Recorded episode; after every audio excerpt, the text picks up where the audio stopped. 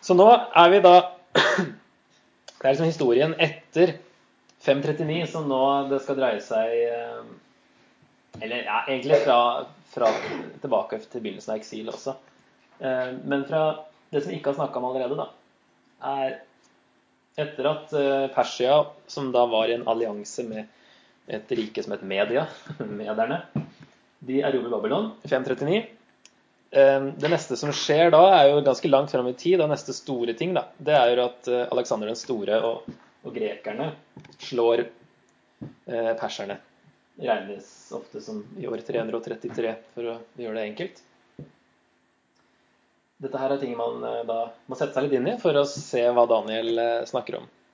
Eh, Aleksander den store han, han dør tidlig. Han var bare 32 eller sånt nå, da han døde. Det vil si at han var bare 20 da han begynte å erobre hele verden. Det er helt vilt. Men han var visst et geni altså, når det gjelder sånn krigføring. Um, og etter at han dør, så blir riket hans delt mellom fire generaler, så han ikke hadde noen sønner. Uh, og da har vi da Makedonia, Lilleasia, Egypt og Syria som de uh, fire. Og det er jo Syria, der er Israel en del av uh, Eller ligger egentlig mellom Egypt og Syria. Men det er den syriske, de syriske kongene som blir eh, det som er relevant for Israel, og derfor relevant for Daniel. Og så er det en fyr som man kanskje aldri har hørt om, men som er veldig sentral eh, i Daniel her. En som heter Antiokus den fjerde, som tok tilnavnet Epifanes. Som i år 167 eh, Han går Han ofrer Han setter opp et alter til Sevs inne i tempelet i Jerusalem. Og han ofrer en gris, urent dyr de luxe, på et hedensk alter inne i tempelet. Det er jo helt forferdelig. Eh, og det fører da til dette makabeeropprøret, eh, som er bakgrunnen for at eh, jødene feirer hanukka. Det er at denne i tre år ganske nøyaktig, tror jeg, tre år senere, så klarte de å rense og gjeninnvie tempelet. Så det er bakgrunnen for, for Hanukka.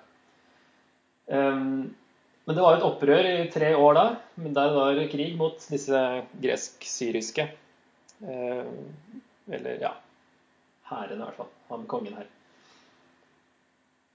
Eh, og så har vi 63. Da er det Roma tar Jerusalem, men det er kanskje ikke før i år 27 før Kristus at grekerne, det greske riket helt, uh, har gått helt under, da, og at romerne kan regnes som en verdensmakt. Nå kan det bli litt komplisert, så får vi bare ta det store bildet. Men uh, han her, Antiokus den fjerde, han, uh, han, må vi se litt nærmere på. Altså de store Altså du har at grekerne Eller ok, at perserne og mederne fulgte var rike etter Babylon, og så kom grekerne og en del av det greske riket, på en måte, var han Antiokus den fjerde. Eh, men han var da litt gal. Eh, han prøvde å forene riket. Det var ustabilt, så han prøvde å bruke religion og gjøre alle til grekere. Det var egentlig det, det såkalt helenisering. Det var det han drev med for å samle riket sitt. Og han oppfordra til å bli tilbedt som Zeus. Han tok tilnavnet Epifanes, som betyr åpenbart, men han ble kalt Epimanes, som betyr galning. Så han eh, hadde sånn stormannstanker. At han var eh, en inkarnasjon av Zeus, eller noe sånt. Han eh, la ut øverstepreststillingen for salg. det var ikke bare at du skulle være etterkommer av Aron, og eh, at det, var, at det var strengt én familie som skulle øversteprester, men nå var det liksom den som, hadde, den som bød høyest. Og det var da med å ødela enheten blant jødene. Eh, det ble dødsstraff for å holde sabbaten, for å omskjære og for å ofre i hvert fall de tradisjonelle ofringene. Han eh, prøvde å ødelegge alle lovrullene. Og jøder ble tvunget til å ofre urene dyr på avgudsalteret og til å spise svinekjøtt med tortur og dødsstraff som følge. Eh, og det toppa seg da i 167 da det alteret ble satt opp. Og han innførte også tempelprostitusjon, som det var vanlig i greske templer. da. Det tok jo helt av. Det er ikke rart at jødene klikka. Det var, jo helt uh, forferdelig. Så det er da dette makabeeropprøret som uh, vi leser om i bøker som ikke har i Bibelen, men som da er en del av apokryfene. Så har du første og andre makabeerbok.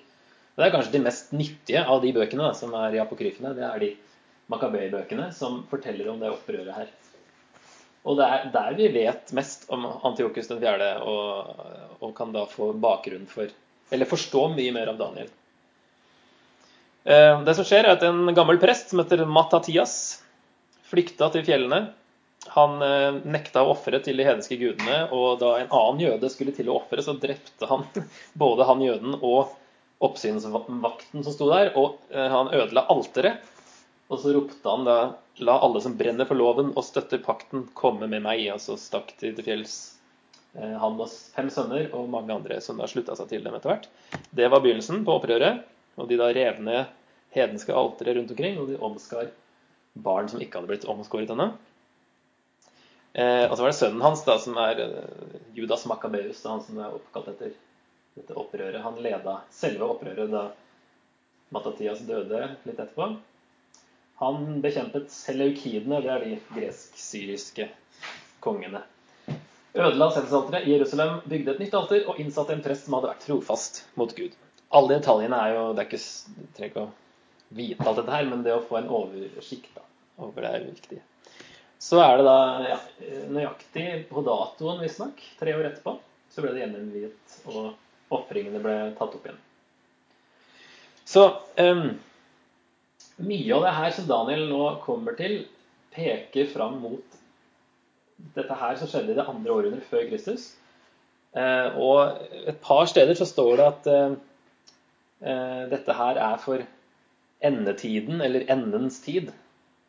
Og det er ikke, tror jeg, den endetiden vi kanskje tenker på, men her så er det det som da på en måte blir slutten egentlig av den gamle pakt, slutten av Gammeltestamentet, er endens tid i Daniel, virker det som. Sånn. Og at han sier at det her gjelder, eller engelen, sier at dette gjelder en fjern eh, framtid. Så eh, du skal ja, holde det skjult, står det. Men man, jeg tror ikke han gjemte det bort. Men det var liksom sånn Det her gjelder ikke nå, det gjelder framtida. Um, så på en måte kan du si at de som levde her under Makaber-opprøret, ville da kanskje gjenkjenne mye av dette her i Daniel, og da på en måte så ble de de leserne det var beregna på. Og De kunne òg bli oppmuntra av det vi så på i stad, kapittel 1 og 3 og 6. Selvfølgelig. Var jo, da var de under sånn press, veldig press, til å bli grekere. Når Babylon, eller Daniel, var pressa til å bli babyloner. Og her var det jo voldsomt til press. Um, og at de da kanskje ville da, som de tre vennene til Daniel, altså følge Gud, selv om det betydde at de ikke kom til å bli redda. Men det som er i del to av Daniel, det er at Gud sier at de kommer til å bli redda. at han til, eller Noen blir selvfølgelig drept, det, men Gud kommer til å hjelpe dem, at de får seier. Det er egentlig det Daniel ser fram mot. Så det er på en måte Du har både sikkert de som leste det med en gang i Babylon, og så har du de som leste det mange hundre år, eller 300 år, 400 år senere. Um, som det da ser ut til å ha vært beregna på, mye av det. Så nå, kapittel to er jo om denne statuen. Eh, litt kult bilde av den visjonen. Eh, han, eller drømmen til Nebukadnesar gjør det, som Daniel tyder. Som da hodet av gull, og så er det sølv på skuldre og bryst, og så er det bronse eller kobber.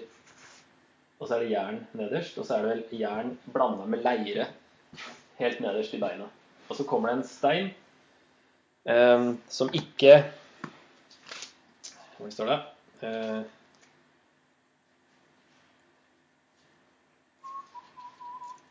eh, mens du så på, ble en stein revet løs uten at noen hånd rørte ved den.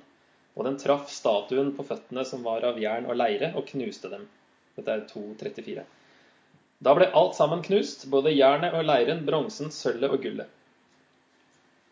Ehm, ja, det ble som agner fra treskeplassen om sommeren. Vinden tok det, og det fantes ikke mer. Alt bare blåste bort. Men steinen som hadde truffet statuen, ble til et stort fjell som fylte hele jorden. Og så forklarer han det da med sier dette var drømmen, og nå skal vi fortelle kongen tydningen. Så sier han at du er hodet av gull, sier han til Nebukadnesar, men etter deg skal det oppstå et annet kongerike, svakere enn ditt.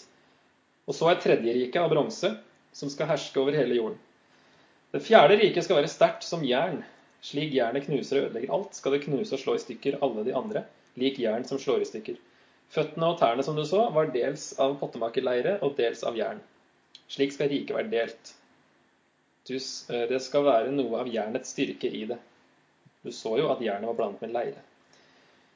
Uh, ja, noen flere detaljer om det. Og så står det Men i disse kongenes dager skal himmelens Gud opprette et rike som aldri i evighet skal gå til grunne, og ikke bli overgitt til noe annet folk. Det skal knuse og gjøre ende på alle de andre rikene, men selv skal det bestå til evig tid. Du så jo at en stein ble revet løs fra fjellet uten at noen hånd rørte ved den, og den knuste jernet, bronsen, leiren, sølvet og gullet. Så det er tydningen. Um, Guds rike skal opprettes um, Ifølge drømmen så er det at alt, altså alle de fire rikene før her blir ødelagt, og så vokser steinen til et uh, fjell. Guds fjell, på en måte. Uh, det er her det blir litt sånn forskjellige tolkninger. Men så står det at i disse kongenes dager skal himmelens gud opprette et rike. Så på en måte høres det ut som at kongene fortsatt er i live, mens i selve drømmen så blir det jo ødelagt før det opprettes. Så det er litt sånn for å Hvilket rike er det det skulle opprettes i? er liksom spørsmålet. Så de vanligste synene har jeg satt opp her, da. Eh, det tradisjonelle er at gull er Babylon. Han sier jo 'du er kongen av gull'. Eh, kongen av gull. Du er hodet av gull. Du, konge, er hodet av gull. Og det neste riket som da overtok, var jo Media og Persia-alliansen. Som da blir sølv. Og så har du det greske riket, bronse, og så Romerriket, som er det som overtok etter der igjen. Og at det da ble så stort at det ble svakt, ytterst i hvert fall i provinsene eh, jern blanda med leire. Dette er eh, absolutt det tradisjonelle som går langt, langt, langt tilbake i tid.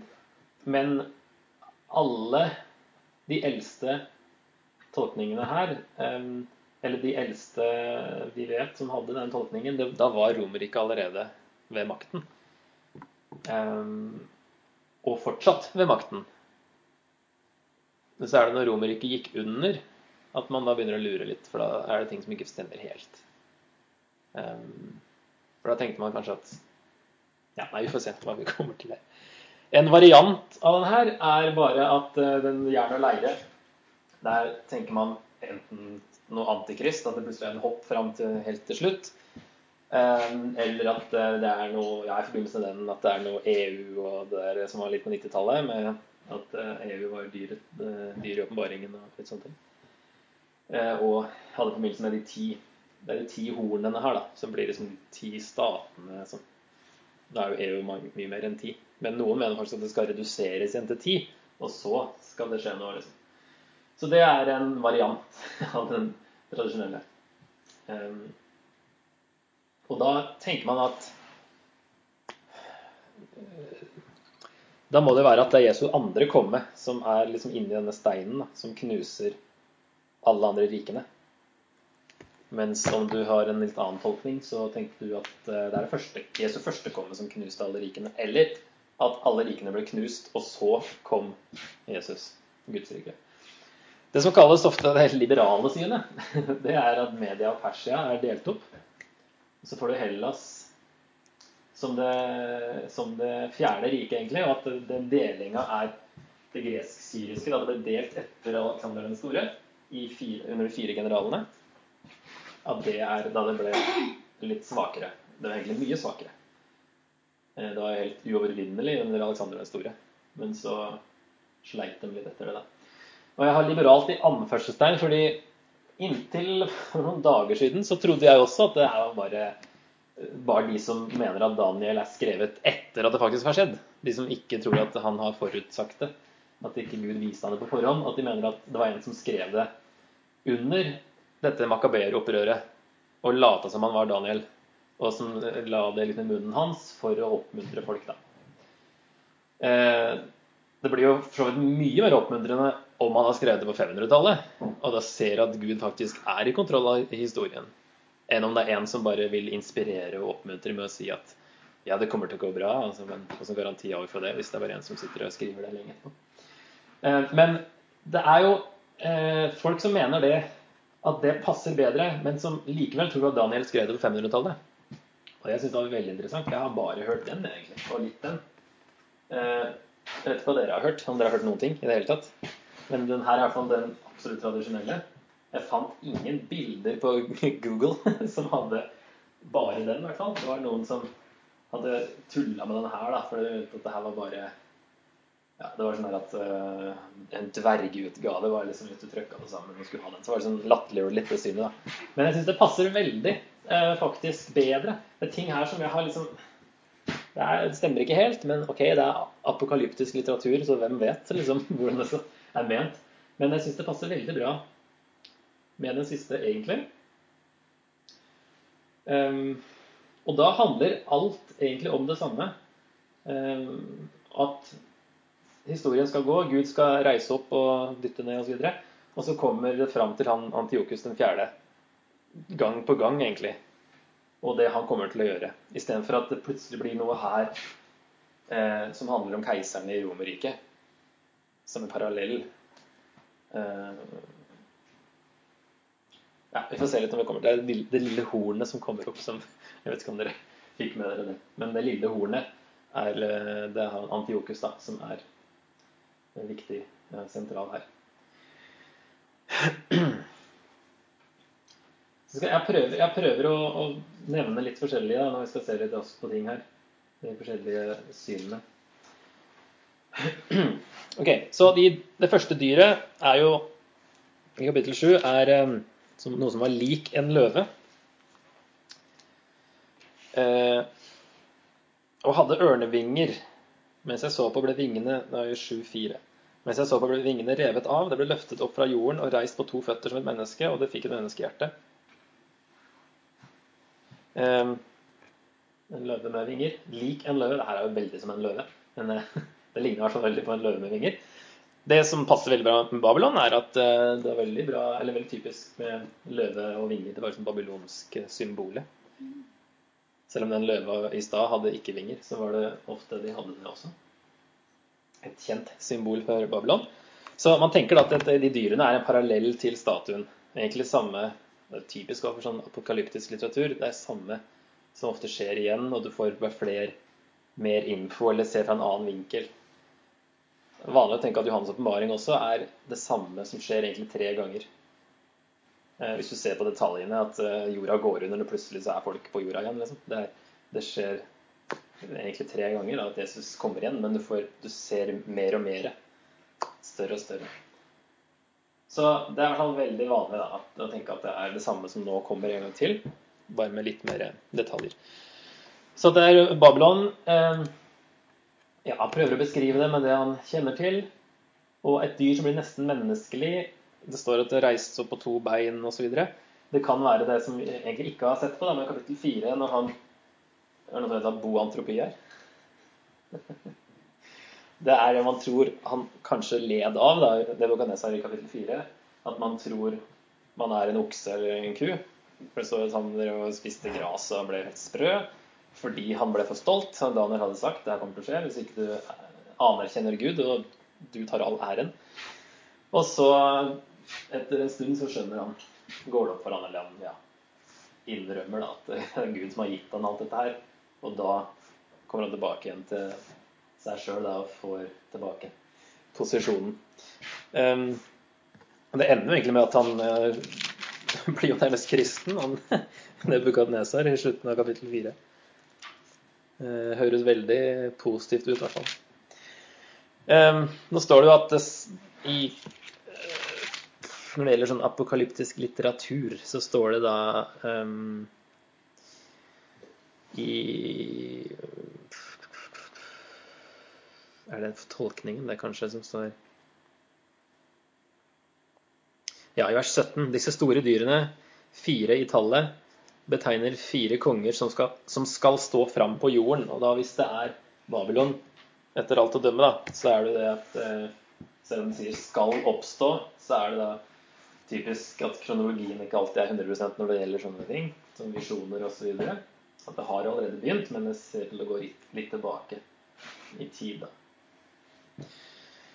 Det neste dyret er, det lignet en bjørn og ble løftet opp på den ene siden. Det hadde tre ribbein i gapet mellom tennene, og det ble sagt til det reis deg og et mye kjøtt. Eh, her er en eh, bjørn med tre ribbein. det at den var reist opp på den ene sida, det tenker man da var den alliansen mellom perserne og mederne. At perserne var den sterkeste. Eh, det er det romerske synet, for så vidt.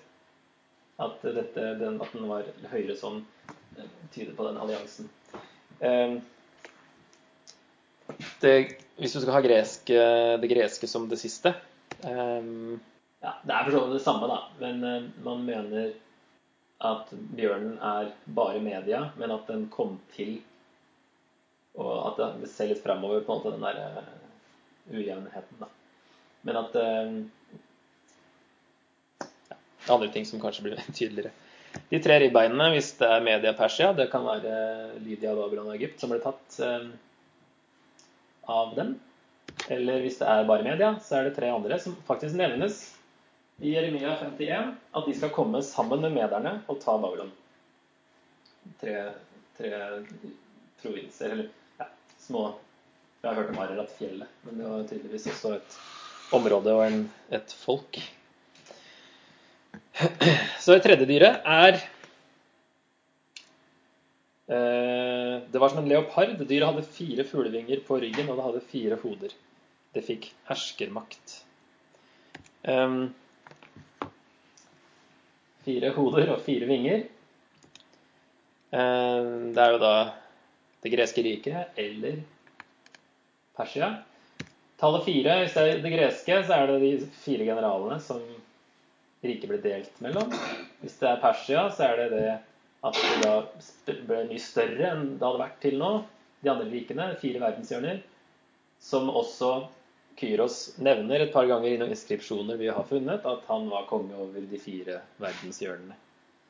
Ellers er det fire persiske konger som faktisk nevnes da i 11.2. Ikke ved navn, men det var de fire første kongene av Persia. Til og med Xerxes, som var den fjerde. Det var de som var de store kongene. Etter det så gikk det egentlig nedover. Og det står i 11.2 eh, enda tre konger skal stå fram i Persia, og den fjerde skal skaffe seg større rikdom enn de andre. Og når rikdommen har gjort ham mektig, skal han hisse opp alle mot Javan, som da er det hebraiske ordet for Hellas, eller greske vestdelen av det som ligger vest for eh, Israel. Men oftest er det Hellas, da. Og det var jo det det var noe Det er jo der um, 300-filmen nå, liksom. Det er ikke det Sexus og ja, Sparta, for så vidt. men det var da det begynte å krasje litt med grekerne, så det passer jo veldig. Um, så det er de tallet fire ja. Litt imot den første med Hellas er jo uh, Det var jo da det ble svakt, på en måte. Det, da det ble delt i fire, så er kanskje ikke det første man ville assosiert med det greske riket. Selv om det er jo veldig lett å tenke seg det, siden det er uh, en kjent sak at det ble delt i fire. Um, ja, og at Alexander den store han erobret veldig raskt. Han kommer helt til India på åtte år, og da tenker man ok, her har vi en, et raskt dyr med vinger. Det er jo superraskt, så det kan jo passe for så vidt på Hellas. Eller at eh, eh, hvis det er Persia, så er det i forhold til den bjørnen, så er det mye raskere dyr. Og det var det. Mye raskere og mer velorganisert enn media. Egentlig dimensjonsforskjeller. Så bjørnen er litt sånn klumsete og treig. Men så tok de jo skjøt mye større fart når perserne da overtok eh, i alliansen. Og så er det tredje, det fjerde dyret. Eh, ja, nå var jeg plutselig kapittel 11, ja. Eh, og de dyrene her er, finner vi igjen i eller Det er jo dyr i åpenbaringen, ikke sant? Og det er blanding av de dyrene her. Så der, det hentes mye herfra. Og at det da, når det betegner riker her, så gjør det sannsynligvis også det i Johans åpenbaring. Så Derfor er det viktig å ta litt tid å sette seg inn i alt, alt det henvises til i Johans åpenbaring for å forstå, det, forstå den boka bedre. Et fjerde dyr, fryktelig og skremmende og veldig sterkt. Det hadde store jerntenner og åt og knuste, og det som var igjen, tråkket det ned med føttene. Det var forskjellig fra alle de andre dyrene og hadde ti horn. Jeg betraktet hornene og se, enda et horn, et lite horn, skjøt opp mellom dem. Tre av de første hornene ble rykket opp så de kunne få plass. Dette hornet hadde øyne som et menneske og en munn som talte store ord. Og Så er det da plutselig ser vi opp i himmelen. Videre så jeg tronstoler ble satt fram, og en som var gammel av dager, tok sete. Klærne hans var hvite som snø, og håret på hodet som ren ull. Tronen var flammende luer, og hjulene under den var luende ild. En elv av ild fløt fram og strømmet ut foran ham. Tusen på tusen tjente ham, titusener på titusener sto foran ham. Retten ble satt, og bøker åpnet. Så er det vers 11 i kapittel 7. Da er det ned på jorda igjen. Jeg fortsatte å se fordi jeg hørte de store ordene som hornet talte. Og mens jeg så, ble dyret drept, og kroppen ble knust og kastet på ilden for å brennes. Også de andre dyrenes herskermakt ble tatt fra dem, og livslengden deres ble fastsatt med dag og time. Og så er det oppe i himmelen igjen. Jeg så i mine nattesyner, og se, med himmelens skyer kom en som var lik en menneskesønn. Han gikk bort Det er jo det Jesus henter det fra når han kaller seg selv menneskesønnen. Han gikk bort mot den som var gammel av dager, og ble ført fram for ham. Han fikk herskermakt, ære og rike, så alle folk og nasjoner og tungemål skal tjene ham. Hans herskermakt er en evig makt som ikke skal forgå. Hans rike går aldri til grunne. Det er det samme egentlig med steinen som knuser statuen. Guds rike kommer etter at dyrene er drept. Så får menneskesønnen herskermakt, og riket skal for alltid bestå. Eh, her er det en dinosaur som er det fjerde, fordi han ikke kan sammenligne det med noe. Eh, bare fryktelig skremmende og veldig sterkt, og hadde jerntenner og tråkket med føttene. Forskjellig fra alle de andre dyrene, og hadde ti horn. Eh, så det er da Romerriket eller det greske riket. Det er annerledes fordi det var større og sterkere, hvis det er Romerriket, eller fordi det var vestlig og ikke fra Orienten, hvis det er det greske. Det er jo det første som plutselig ikke er i samme område. For det egentlig bare overlapper alle de første med asyrerne og Babylon og Media og Persia. Det er liksom alt borte i samme område der. Men så plutselig så kommer det fra Vesten, hvis det er det greske. Ti horn, tre horn og et lite horn. Horn er jo, det brukes ofte om styrke, da, og ofte om konger, som en metafor på en måte i Gammeltestamentet. Um, hvis det er Roma, så sliter man med å tenke hva det, hva det kan bety. Da eh, tar man tallet ti som en sånn eh, fullstendig tall, som det òg brukes i, Johans Hans åpenbaring og i andre sånn type litteratur. Eh, at det eh, starter som en republikk, kanskje. Et stort udefinert antall, eller fullstendig verdensmakt, eller de ti fremtidige statene. At det er bokstavelig. Og da blir tre bare sånn lite udefinert tall, og det lille hornet blir keiserne, som da Skal vi se Forklaringa kommer eh, står at Daniel Synet som gikk gjennom hodet mitt, skremte meg. står det, Jeg ble urolig i kropp og sjel, i vers 15. Og så går han bort til eh, en av dem som sto der. Det var en engel i synet. Eh, som sier da Han forklarer alt dette her med to setninger. Disse store dyrene, fire i tallet, betegner fire konger som skal stå fram på jorden. Men den høyestes hellige skal motta kongeriket og beholde det til evig tid, i evigheters evighet. Det er hele poenget. Da Guds rike kommer, og det varer evig. Og så, Da ønsket jeg å få en, en pålitelig forklaring på det fjerde dyret, i vers 19. Det var forskjellig fra alle de andre, et fryktelig dyr med tenner av jern og klør av eh, bronse. Det åt og knuste, og det som var igjen, tråkket det ned med føttene. Jeg ønsket også en forklaring på de ti hornene det hadde på hodet, det nye hornet som skjøt opp, og de tre andre hornene som falt av, så det kunne få plass. Dette hornet hadde øyne og en munn som talte store ord, og det så større ut enn de andre.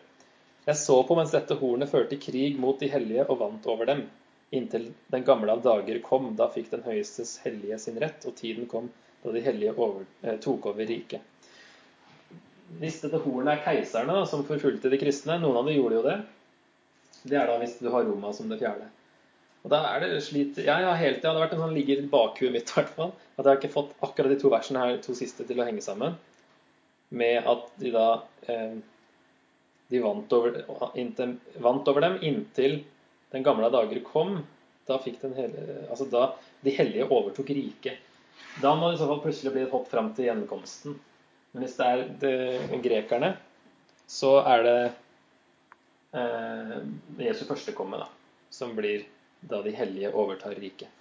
Nå føler jeg jeg står og nerder meg bort i en krok snart, men jeg får bare si fra hvis det er noe som er Det blir fort veldig komplisert for den som ikke har hørt noe av det her før.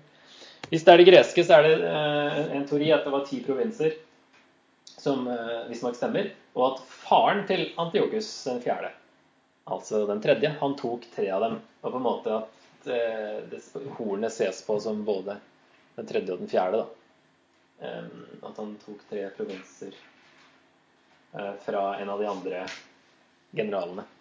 Eller ja, av de oppdelt, det oppdelte greske riket. Um,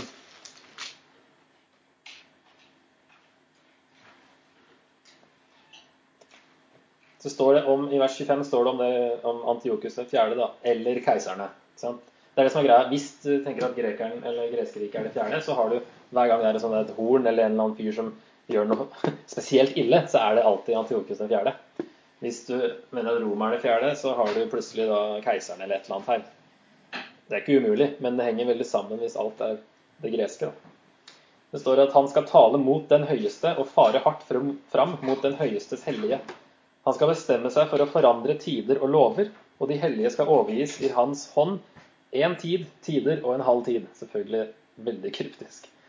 Da skal retten bli satt, herskemakten skal tas fra ham, bli ødelagt og gå under for alltid. Rike, herredømme og makten over rikene under himmelen skal bli gitt til folket av den høyestes hellige.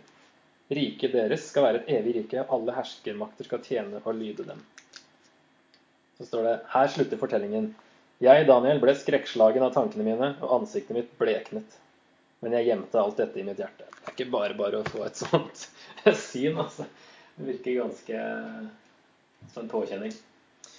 Så det handler egentlig om Guds rike, da. At det er det som eh, er poenget med at med alle de der verdensrikene leder fram mot det.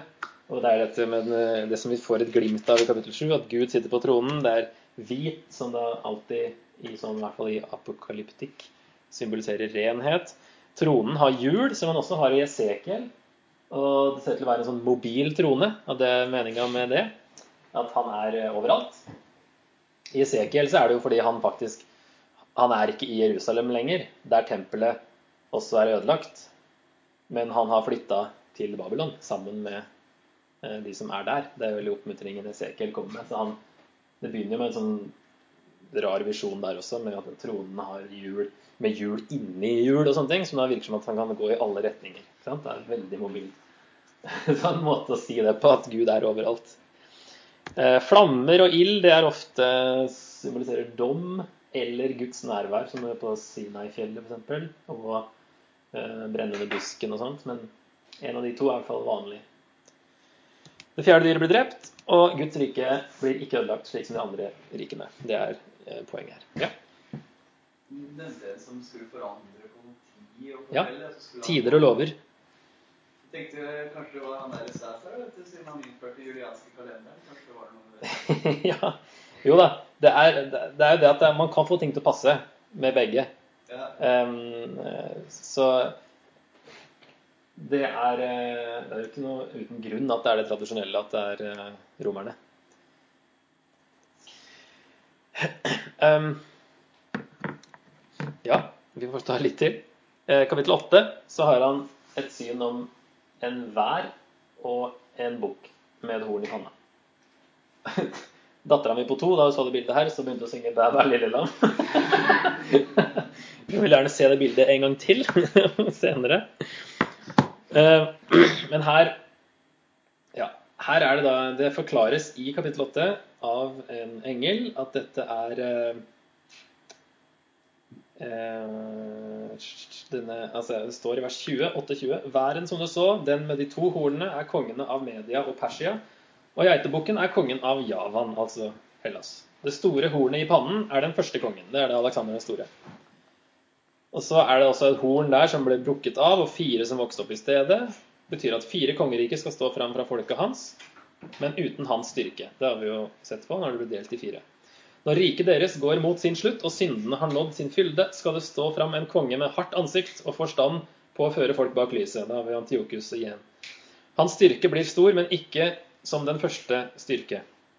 Han skal gjøre uhyggelig skade og lykkes i alt han gjør. Han skal utslette de mektige og folket av de hellige. Fordi han er kløktig, skal han lykkes med sitt svik. Han skal være stor i egne tanker, og med lett hjerte skal han utslette mange. Han skal reise seg mot fyrstenes fyrste og bli knust, men ikke av menneskehånd. Han døde jo av noe øh, sykdom eller noe sånt, leser man i andre kilder. da. Men her er det tydeligvis at det er Gud som faktisk tok livet av ham. Eh, så står det du skal holde synet skjult, for det handler om en fjern fremtid. Og jeg, Daniel, lå syk i flere dager men sto så opp og gjorde igjen min tjeneste for kongen. Jeg var full av undring over synet og forsto det ikke. Så han skjønte ikke alt, han heller, og ble sengeliggende av det.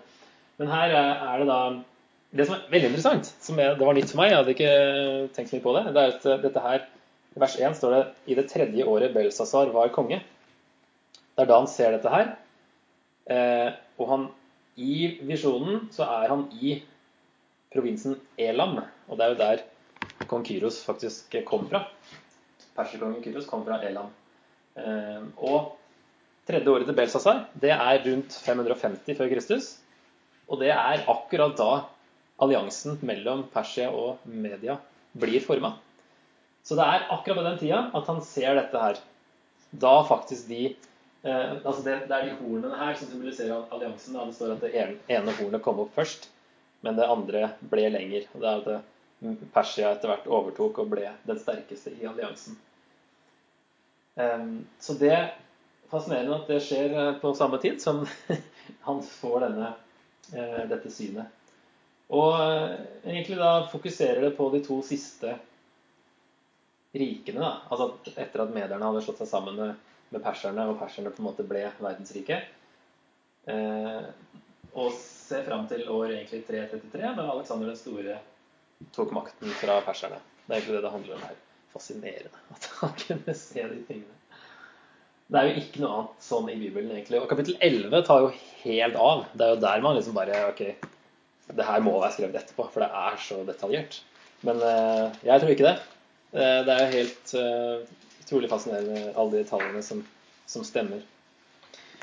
Um, geita kom fra vest, står det. Hellas lå jo i vest berører ikke bakken når den løper. Den kom så fort. Og det, som sagt, han, Alexander Store kom jo til eh, India på åtte år. Eh, første hornet og fire horn, ja. Og så er det delt i alt, ja. Det har vi egentlig sett på.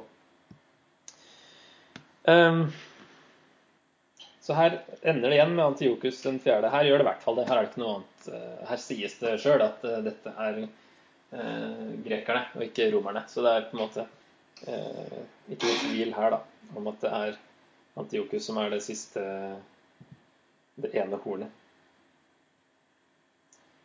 Kapittel 9 er jo Det meste er en eh, Ja, dette er det det slutter med, de 70 ukene. Og så er dette er en tolkning, utrolig komplisert, som dere ser, av eh, endetids, eh, endetidsskjema. Basert på Daniels 70. Eh, uke. Han, det er her han leser Jeremia og ser at nå er det på tide å vende tilbake. Og så ber han veldig på vegne av alle, hele folket, om at Gud må tilgi dem og la dem vende tilbake. Eh, og så kommer svaret, på en måte, er fra engelen Gabriel, som kommer og sier 70 eh, uker er bestemt, står det i vers 24. Altså Han sier jo han vet at det er 70 år de skulle være i eksil. Og så kommer svaret med 70 uker, som en slags Det henger sammen med de 70 år, virker det som. Sånn, 70 uker er bestemt for ditt folk og din hellige by til å bringe ondskapen til ende, til å gjøre slutt på synden, til å sone skylden og føre fram en evig rettferd, til å stadfeste det profetene så, og salve det aller helligste. Du skal vite og forstå fra ordet gikk ut om at Jerusalem skal gjenreises og bygges opp igjen, og til det kommer en som er salvet, en fyrste, skal det gå sju uker, og i 62 uker skal byen stå gjenreist og gjenoppbygd med gater og vollgraver. Men det skal være en tid full av trengsler. Etter de 62 ukene skal den salvede ryddes av veien og bli borte. Byen og helligdommen skal legges øde av hæren til en fyrste som kommer. Han skal ende sine dager i en flom, eller det skal ende sine dager i en flom. Det trenger ikke være han her. Eh, ødeleggelsen som er fastsatt, skal vare til krigen er slutt. I én uke skal han stadfeste en pakt med de mange. Etter en halv uke gjør han slutt på slakteoffer og grødoffer. Mot, eh, på motbydelighetens vinger kommer han som ødelegger, helt til utslettelsen som er fastsatt, strømmer ned over ødeleggeren selv. Her er det Det blir ganske komplisert. Her er det veldig mange eh, meninger. Um, det her er én oppfatning, at det har da med eh, noe som fortsatt er framtid for oss. Eh, det er mest den siste uka. Hvem er den salvede? Hva er pakten? Og så er det midt i eh, i én uke skal han stadfeste en pakt, og så etter en halv uke gjør han slutt på slakter for å grøde for. Det er på en måte mye som kan passe inn her. Um, så her er det litt sånn åpent. Men um, det står egentlig sjuere, står det på hebraisk, da. Og det betyr jo for så vidt uker. Men det er veldig er, De fleste er enige om at det, er, det betyr eh, en uke er sju år. Er liksom en vanlig tolkning basert på at Daniel snakker om 70 år, og at det passer. Her blir det veldig mye sånn utregning og sånt. Og det er veldig mye man kan komme fram til. Så her er det ikke så veldig mye Jeg tror ikke du bruker så veldig mye tid på detaljene. Men det som skal skje, er altså de punktene i vers 24 som skal skje i løpet av de 70 ukene. Eller altså de årene, da. 70 ganger Egentlig 69 ganger 7, altså 483 år, er det ikke det? Som er før den siste uka, da det skal skje litt sånn ekstra ting. Det første er at det er vanskelig med altså Oversettelsen er eh, ikke helt grei. Skal det være et en pause mellom de 7 og de 67? Eller skal det være 7 og 62? Eh, ja, her under 62, ja. Eh, skal det gå 7 uker? I 62 uker skal byen være gjenreist. Altså, det er et spørsmål. Noen oversettelser har da 7 uker og 62 uker. Um, som du ser her, 88-oversettelsen på norsk har, uh, har det i ett, og den uh, Bibelen Guds ord. Mens den nyeste som jeg bruker her, den har et uh, punktum eller komma. Det er jo én ting. Um, jeg tror vi skal hoppe over de tolkningene. Men en som er veldig gammel, da, som jeg syns virker fornuftig, kan vi ta eh, Det er Det er veldig mye jeg skal se bare det viktigste her. Det er for mange ja, Går tilbake til Ålkirken og eh, rabbinere også som mente at det pekte fram mot Jesu første komme 483 år fra ordet gikk ut, står det. Skal det gå 69 uker totalt. Eh, og det er, hvis vi tar det da byen begynte å bli bygd opp igjen av Estra i 458, så kommer det fram til 26 etter Kristus. Og det var ca. da Jesus sto fram og begynte sin tjeneste. Jeg syns det er veldig, grei, da, og den har gamle røtter. Um, og det var for så vidt da byen ble bygd opp igjen. De bygde jo tempelet først. De bygde kanskje muren, men det virker ikke som byen ble bygd opp igjen før, eller begynt på før Ezra kom tilbake. Og at kanskje de første sjuerne er de 49 år, ca. 50 år det tok å bygge opp igjen byen. Det er en teori. Og etter det så skulle den stå, byen skulle stå i 62, 62 ganger 7 år. Og så er det den siste uka der det liksom er en salvet, som da kan være Jesus, som for så vidt oppfylte alle seks tingene i vers 24. Det er veldig greit å ha sånn Jesus-fokus, så vi kan gå for denne tolkningen. I hvert fall nå. Han oppfylte alle de tingene i stad, de seks punktene. Og så har du denne fyrsten som skal komme og skal ødelegge byen. Er da egentlig da romerne kom og ødela. Eh, fordi byen ble ikke ødelagt egentlig ordentlig før da. Altså, Antiokus ødela ikke byen. Han bare vanhelliga tempelet. Han eh, var ennå ikke keiser, han ble keiser senere, så kanskje det er en fyrste som skal komme, enten at han da faktisk bare kommer fysisk, eller at han skal bli en fyrste. At han her er bare general. Um, ja. Gud vil ta seg av synden, men tempelet skal faktisk rives igjen, er da på en måte det han ser her. Og da er det Jesus som lager en pakt i sju år, og så er det forskjellige tolkninger på hva skjer midt i halvparten. Det er da inntil Ja, det er litt vanskelig, det her. Veldig mye sånn detaljer og spekulering rundt det. Men men at det da er Jesus som er den salvede, og at det er Jesu første komme. Som for så vidt har vært virker som har vært eh, Eller det passer greit da, med de andre gangene Guds rike har kommet i, i Daniels bok, så er det Jesu første komme, syns jeg i hvert fall virkelig sannsynlig. Og det er jo det de først og fremst venta på, da. Selv om de ikke visste at det skulle være et andre komme. Så er det første komme som var det viktigste da Guds rike ble oppretta.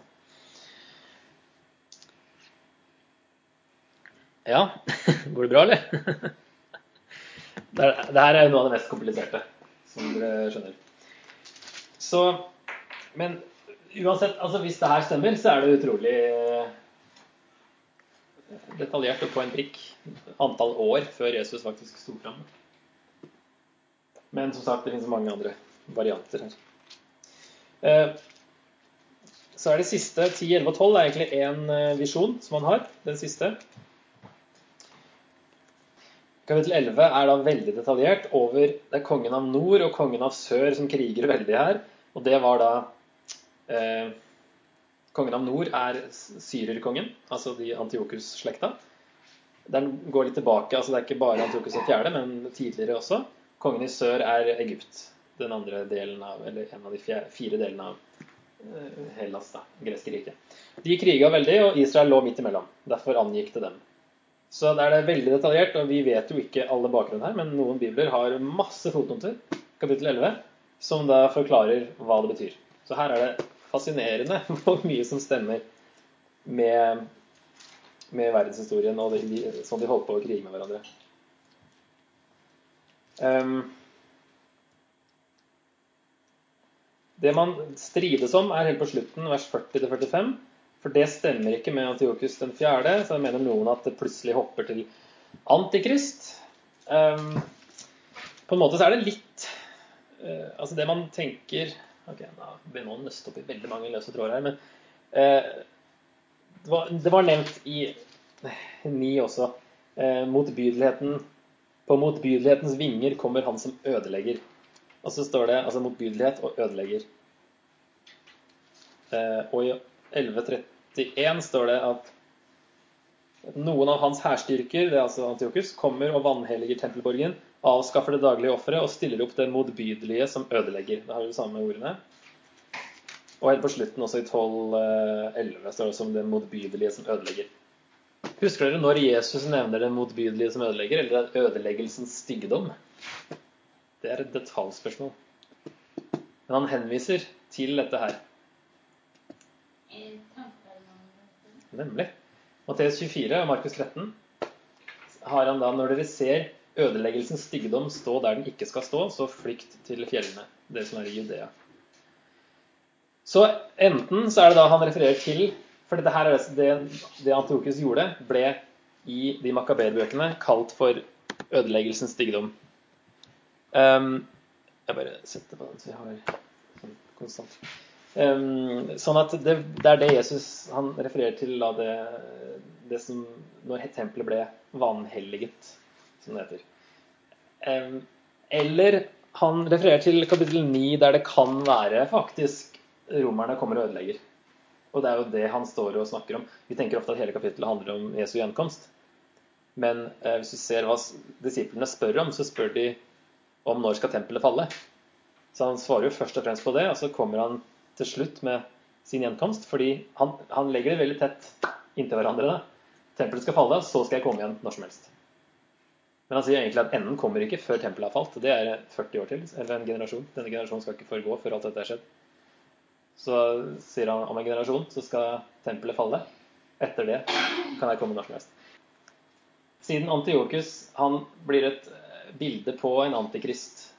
Eh, Paulus i 2. Tessaloniker 2 sier at den lovløse, som ofte ses på som samme som en antikristfigur. Han skal eh, sette seg selv i tempelet og gjøre seg selv til Gud og sånne ting. Da tenker man, han, ok, Det høres ut som en sånn Antiokus den fjerde-figur som skal gjøre noe av det samme. I hva slags tempel da? Er det et åndelig tempel, eller skal tempelet bygges opp igjen? Det siste tror jeg ikke kommer til å skje. Da går Gud liksom imot eh, hele planen sin. Men, eh, eller bare bruker han de uttrykkene fordi man ville tenke på Antiokus som en sånn som pekte fram mot en antikrist. Derfor tenker man at plutselig så er det et hopp eh, mot slutten av kapittel 11 mot eh, antikrist. Eller tenker noen at det passer bedre på romerne, faktisk. At kongen av nord plutselig da blir en annen. Eh, fordi det står i endetiden, som er et liten sånn tegn på at nå er vi egentlig enda lenger fram. Og da er det plutselig kongen av nord blitt eh, en romer i stedet. Ok, nå er vi utover tida. Men bare ta, avslutte litt sånn ålreit. Men kapittel 11 er bare helt fascinerende. Det er så presist, altså. Alt dette her. Um, og så etter det Nå er det jo kapittelinndeling her da, i vår bibler, men det er jo samme visjonen, eh, eller synet, for Daniel. Så når det står eh, Han går mot sin undergang, og ingen hjelper ham. Når han dør, så står det på den tiden skal Mikael stå fram, den store fyrsten som står ved dine landsmenns side.